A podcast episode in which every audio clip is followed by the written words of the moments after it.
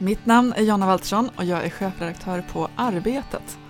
Jag heter Mikael Fältbom och är chefredaktör på Arbetsvärlden. Och det här är en jobbig podd. Jättejobbig!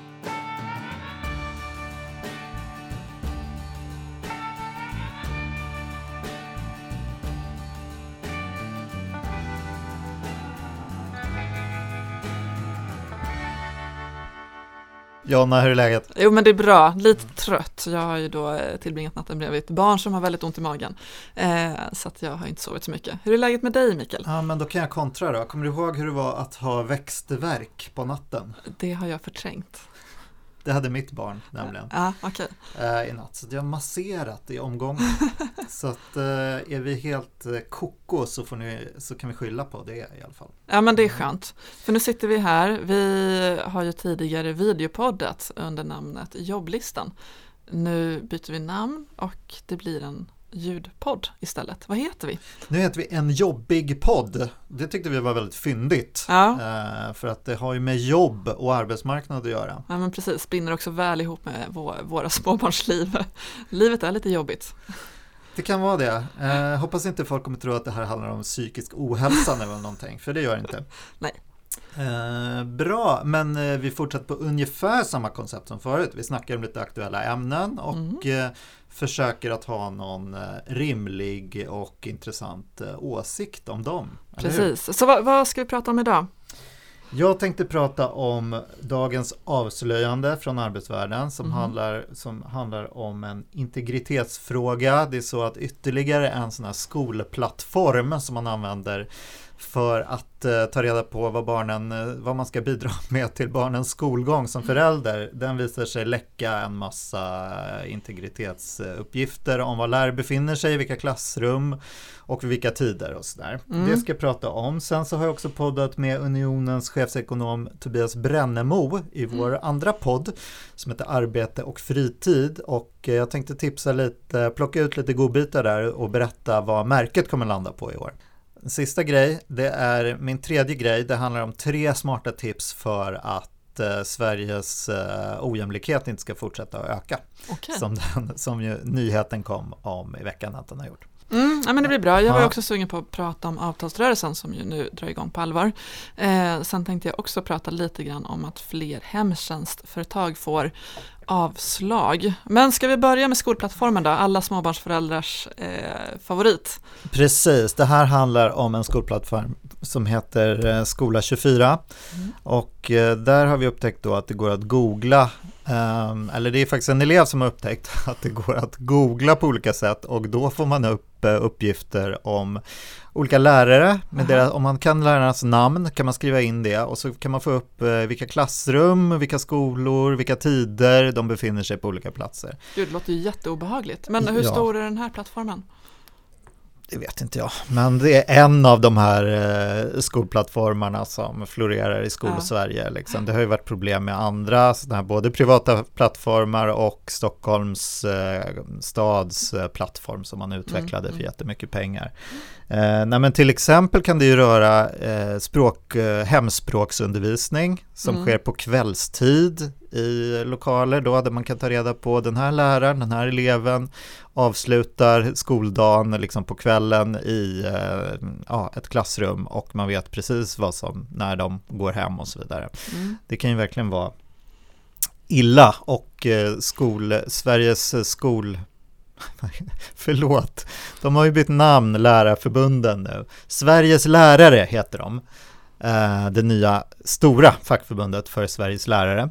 Eh, de blev ju väldigt, eh, de, de sa att eh, de blev bestörta när de mm. fick de här uppgifterna och det, det är ju inte bra. Liksom, mm. Men vad säger de som är ansvariga för plattformen då?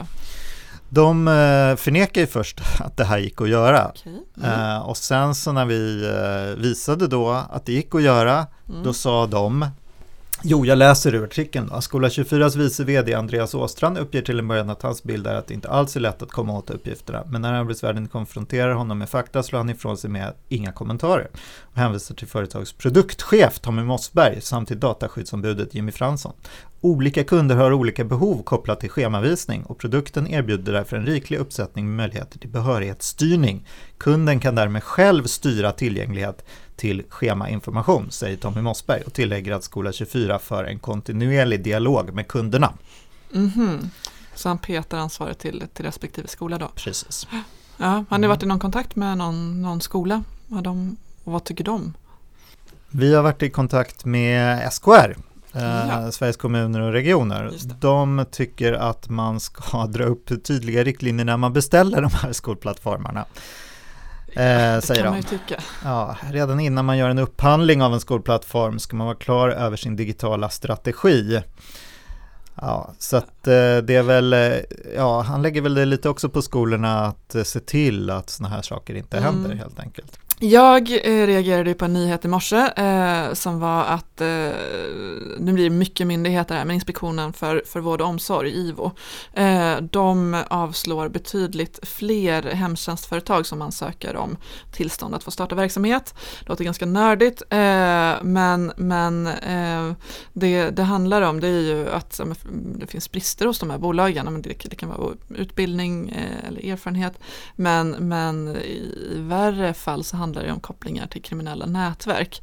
Um, och det här är någonting som vi har granskat på Arbetet tidigare tillsammans med vår systertidning Kommunalarbetaren. Och då kunde vi visa just på, på det här. I det fallet så kunde vi se att det var i alla fall 20 företag som, som IVO hade släppt igenom eh, där, där det förekom allvarliga fall av, av fusk. Um, och um, Eh, det, flera av de här företagen har ju mer eller mindre maffialiknande eh, strukturer. Eh, de samarbetar, de fuskar på, på liknande sätt och de tipsar varandra eh, när de hör att kommunala tjänstemän är de på spåren. Ehm, och och det har också visat sig, i alla fall tidigare då, att det varit väldigt svårt att komma åt det här fusket. Eh, och de här företagen, för så fort de slängs ut från en kommun så poppar de upp i en annan kommun.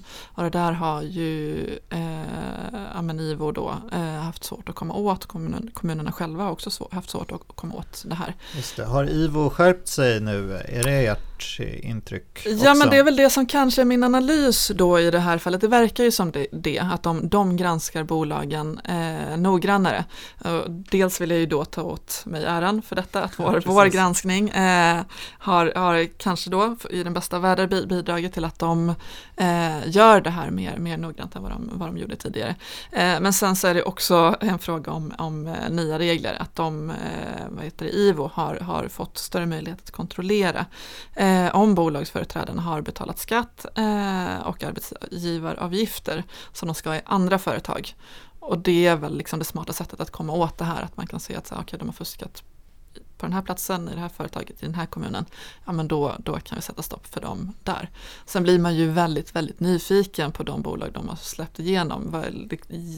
Svårt att tänka mig att det inte förekommer fusk. Men det är ju å andra sidan också jättebra om, om man i större utsträckning kan, kan stoppa de här företagen. För dels är det ju såklart en massa brukare som inte får den vård de har tillgång till. Men det vi också kunnat visa det är ju att anställda på de här bolagen också far väldigt illa och blir väldigt utnyttjade av sina arbetsgivare. Så det är klart att det är jättebra om eh, det inte går att fuska på samma sätt som tidigare. Jag tänkte, ska jag inleda avtalsrörelsesnacket då? Gör det. Jo, men eh, en lite kul grej som dök upp när jag pratade med Unionens eh, chefsekonom Tobias Brännemo. Han mm. har en ny chefsekonom. Mm. Eh, det var det här hur det har gått i, om man ska försöka hitta mönster i tidigare avtalsrörelser, om man ska se hur, vad den här kommer landa på. Då. Mm.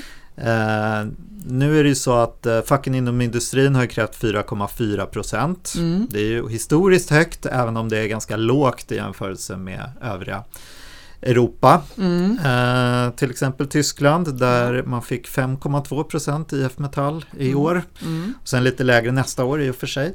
Eh, jo, men om man tittar tillbaka så kan man se att eh, det brukar, man brukar få 70 86 procent av det facken erbjuder. Det skulle Ja. ju landa i så fall på 3,3 procent. Ja. Eh, Men man kan ju också se att det verkar ju som att eh, avtalsrörelsen är lite tillbakablickande. År 2007, då fick man eh, eh, väldigt stor del av fackens krav och då hade man ju en ganska lång konjunktur, en god konjunktur bakom sig. Mm. Sen kom ju då finanskrisen eh, 2008 eh, och då gick ju allt ner i källaren och Mm. det här avspeglar sig i avtalsrörelsen 2011 som ger en väldigt lågt, låg procentandel av vad facket krävde. Sen blev det ju högkonjunktur igen, så att det Mm, är ju mm. lite, man kan se att det är lite missriktat. Man, det verkar Mm. faktiskt som att man tittar i backspegeln, även om alla säger att det ska man ju inte göra. Utan man ska ju titta på svensk eh, konkurrenskraft framöver. Mm. Men, eh, Men så då tyder mycket på att det blir eh, ganska nära då 4,4 procent i år, om jag tolkar dig rätt. Ja, det skulle man kunna säga. Vi har ju haft ganska goda tider, även om vi har haft pandemin som kanske har satt skräck i folk. Men det har ju Mm, verkligen återhämtat sig och det blev inte riktigt det fall i pandemin som man trodde heller. Mm. Även om det var ett fall. Så det skulle väl, man skulle väl kunna tolka det som att man skulle landa ganska nära 4,4 procent. Om man, om man följde den här metoden. Mm, mm. Ja men gud vad spännande. Nej, men för jag tycker, hela den här avtalsrörelsen har ju en väldigt Eh, ja, men intressant fond just om man ser till, ja, men det är dyrtider, det är hög inflation, det är väldigt många som har det rätt tufft ekonomiskt. Eh, jag brukar ju plåga mig själv med att gå in i en Facebookgrupp som heter Ekonomista, så det är väldigt mycket så här, ganska sorgliga historier om så här, ja, men jag, jag har verkligen inte råd Eh, med, med det liv som eh, vi, vi lever. Jag behöver skaffa ett extra jobb eller ja, men jag måste flytta. Alltså folk har det väldigt tufft ekonomiskt just nu. Ehm, och det tycker man också har märkt på, på reaktionerna som, som vi har kunnat se när vi har skrivit om eh, ja, men det här kravet på 4,4 procent. Det är många som nog gärna skulle vilja se en, ännu högre eh, lö, löneökningar. Så att jag tror eh, om, om man liksom tänker bara så hur, hur den allmänna debatten ser ut eh, så tror jag att det kommer vara ett väldigt stort tryck på, på eh, att man då lägger sig väldigt nära den här siffran på på 4,4 procent. För det finns liksom redan en svekdebatt som, som bubblar där ute. Jag tyckte det var intressant. Transport tillkännagav ju sina krav eh, i förra veckan. Det är ju det LO-förbund som har ställt sig eh, utanför eh, det som de övriga LO-förbunden har, har enats om. De kräver ju 5,5 5,5 procent i, i löneökning. Eh, utifrån de kommentarer som jag kunde se i vårt flöde så, så var väl inte folk jätteglada över det heller. Man vill ha ännu mer i, i löneökning. Men sen, sen eh, kan man väl kanske också eh, konstatera att man måste väl kanske var lite realistisk. Eh, så. Men, men det som Transport räknade fram, de, de har ju just sneglat på, på Tyskland. Eh, där eh, de ju har räknat då på vad den konkurrensutsatta industrin eh, klarade. Eh, till det så har de ju också krävt eh, ett engångsbelopp på 5 726 kronor. Och då har man ju också tittat på Tyskland och det handlar ju om att ehm, eh, man tänker sig att det skulle vara ersättning för de sju månader under 2020, alltså under pandemin, eh, när, när löneökningarna dröjde. Eh, så det blir jätteintressant att se, se och följa hur det går, hur det går för dem i den här avtalsrörelsen. Får de igenom det de vill eller, eller inte. Eh, samtidigt, jag menar arbetsgivarna, det är inte så att de eh, tänker lägga sig platta. Jag tyckte det var superspännande att läsa eh, Almegas Eh, Stefan Koskinen där eh, kommenterade ju Kommunals eh, krav på låglönesatsning. Det är ju en del av, av vad LO gemensamt har kommit fram till men, men Kommunal har verkligen betonat det. Eh, det han säger då eh, till kommunalarbetaren det är jag vill inte låta hjärtlös men de som tjänar minst måste få det sämre innan de kan få det bättre. Um, så det, det lät väl just hjärtlöst. Ja, ja men precis. Det, det var därför han safeade där. Ja, men precis. Han behövde den lilla, lilla brasklappen. Eh, men jag tror de, de kommer väl, eh, vad ska man säga, eh, fightas emot rätt, rätt ordentligt. Det blir jättespännande. Det är intressant att de kräver en engångssumma. För Mm. också, det brukar ju traditionellt vara en arbetsgivargrej. Att man Ja. vill gärna liksom betala pengarna man har Mm. och sen inte vara bunden av de kraven framöver. Men eh, här går de ut med att de vill ha en engångssumma. Det fick, Mm. ju, det fick ju tyska IG Metall också. Ja, en, precis. en engångssumma på 3000 euro va? Ja, jag kommer inte ihåg den exakta siffran. Men, 30 000 Ja, kronor. Ja, apropå uh, stålars så Mm. tänkte jag dra en eh, spaning om eh, förra, förra veckan kom ju den här nyheten om att uh, ojämlikheten i Sverige ökar väldigt mycket. Eller den var väldigt, eh, den var slog rekord eh, 2021. Det är de senaste siffrorna som finns. Mm. Eh, Det kan man ju för sig då bortförklara genom att det var ett väldigt bra år för börsen och fastigheter och så vidare. Så att det, var, det är ju kapitaltillgångar som eh, drar iväg. Mm, Liksom. Och det är ju mm. det som innehas av de eh, rikaste eh, i Sverige. Eh, men Gini-koefficienten som man brukar använda har ju skenat liksom, sedan 90-talet. Mm. Eh, och eh, jag tänkte jag skrev en liten jag skrev en ledare då om att det finns ju faktiskt ganska liksom eh, ekonom eh, ah, det finns ju faktiskt förslag som är ganska accepterade av ekonomer i ganska breda lagar om hur man kan höja kapitalskatterna för att komma åt det här. För det är ju kapitaltillgångar som drar iväg. Det är i och för sig en intressant eh, tanke också att facken har ju faktiskt lyckats hålla ihop lönespridningen ganska bra i Sverige. Mm. Eh, Så det är ju inte, just i Sverige är det ju inte lönerna som, som sticker åt olika håll, utan det är ganska mycket kapitaltillgångar. Men i alla fall, jag tänkte dra mina tre, tre förslag där till ökade kapitalskatter som faktiskt inte är mina, utan det är SNS senaste rapport om, en, eh, skatte, om skattesystemet som jag Mm. plockar dem ifrån. Eh, och då är det ju fastighetsskatten är ju en tydlig eh, grej. Dream on, säger jag bara. Ja, men i, ja precis. Eh, det, för det är ju liksom omöjligt att driva det som politiskt parti eh, för att folk vill inte höra talas om ökade skatter. Så det här kräver ju egentligen en liksom, blocköverskridande skatteöverenskommelse om man ska kunna göra de här grejerna. Mm. All, för många inser ju att det är rätt väg att gå men ingen vill gå till val på det så att Nej. säga. Så.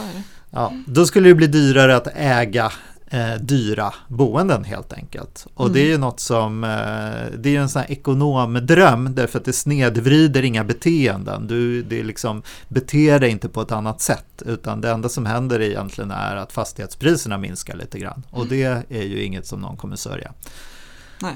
Ja, Förutom alla som äger en bostad.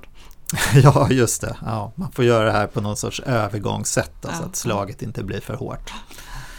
Ja, eh, det andra eh, medlet är ju de här 3.12-reglerna, alltså reglerna för fåmansbolag. Det här är ju regler som gör att man kan omvandla arbetsinkomster till kapitalinkomster och på så sätt komma ner i skatt. Mm. Men problemet är att man till och med kan komma ner mer i skatt än vad man gör för vanliga kapitalinkomster. Och det här är ju något som eh, då SNS till exempel föreslår att man ändrar på. Mm. Så att man höjer den här skattesatsen till eh, att komma upp på vanlig kapitalskatt. Mm. Eh, och på det sättet så slipper man det här läckaget liksom av, av eh, skatt Mm. eh, in i fåmansbolag. Mm. Eh, en tredje grej är att eh, de här ISK-kontona, alltså investeringssparkontona, har ju en extremt låg beskattning av ganska passivt förvaltat kapital. Mm. Man kan ju ha väldigt stora summor där om man har mycket pengar och eh, till en oerhört låg skatt som dessutom då blir lägre i tider när räntorna är låga. Mm. Eh, det vill säga när aktier oftast går bra, när man gör hög vinst. Det är en väldigt märklig konstruktion kan Mm. man tycka. Eh, och eh, det där skulle man ju reformera eller avskaffa helt då för Mm. att eh, komma åt kapitalskatterna. Väldigt stora summor av den här sänkta skatten går ju till de extremt översta procenten i inkomstfördelningen. Okej Jonna, då är det dags för vårt lilla poddinslag Måste-läsning. Mm, det är det. Eh, och då mitt, mitt eh, förslag, eller min, min starka rekommendation, det är att ni spannar in arbetet.se på onsdag morgon. Då kommer vi med ett bra grävjobb eh, som eh, man kommer vilja läsa det helt enkelt, utan att avslöja någonting överhuvudtaget innan. Ja. Oj, du puffar din egen nyhet på ett ja. otroligt abstrakt eh, sätt. Ja, men jag ja, vet, men, men det, jag, kan inte släppa, jag kan inte släppa nyheten innan. Men det är, liksom, det är ett grävjobb som vi har hållit på med länge eh, och eh, resultatet blir, eh, ja men det blir, det blir bra. Mm. Eh, vi kan prata mer om det nästa podd eh, då, då det är ute. Men, men jag vill inte avslöja någonting, någonting innan mer än att så här, in och läs det är en läsfest. Alright, spännande. Ja. Okej, jo men jag tänkte tipsa om en podd som kom eh, under förra året som heter The Trojan Horse Affair som jag är helt eh, inne i just nu. Och eh, för att ta en lite aktuell vinkel på det här så är det extra intressant med tanke på Sveriges förhållande till Turkiet nu och de här koranbränningarna den här podden handlar om en påstådd islamisering av Birminghams skolor för Eh, 15 år sedan. Eh, men jag tycker det är lite spännande nu när Sverige liksom på något sätt har en så oförstående bild av varför eh, muslimska lärosäten och muslimer i Turkiet och så vidare reagerar på den här koranbränningen. Att man liksom inte man kan inte se att det skulle utgöra ett hatbrott på något sätt, utan det är helt, eh, det här är, en hel, det här är som en brännande svensk flagga, alltså den har ingen betydelse. Och eh, det är lite intressant hur man helt missar den ja, aspekten ur ett svenskt perspektiv och även ur ett svenskt diplomatiskt perspektiv, tycker jag. Mm.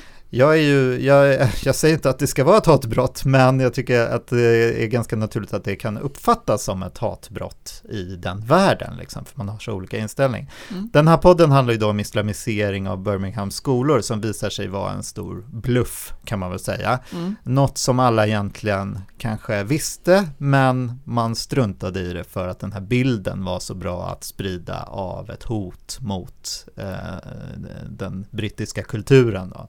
Mm. Ja, men Superintressant. Ja, nu blir man ju sugen på att lyssna på. Mm. Så den, eh, jag tar väl i uppgift att lyssna på den då tills vi hörs igen om två veckor. Ja, tack för oss idag. Tack för oss.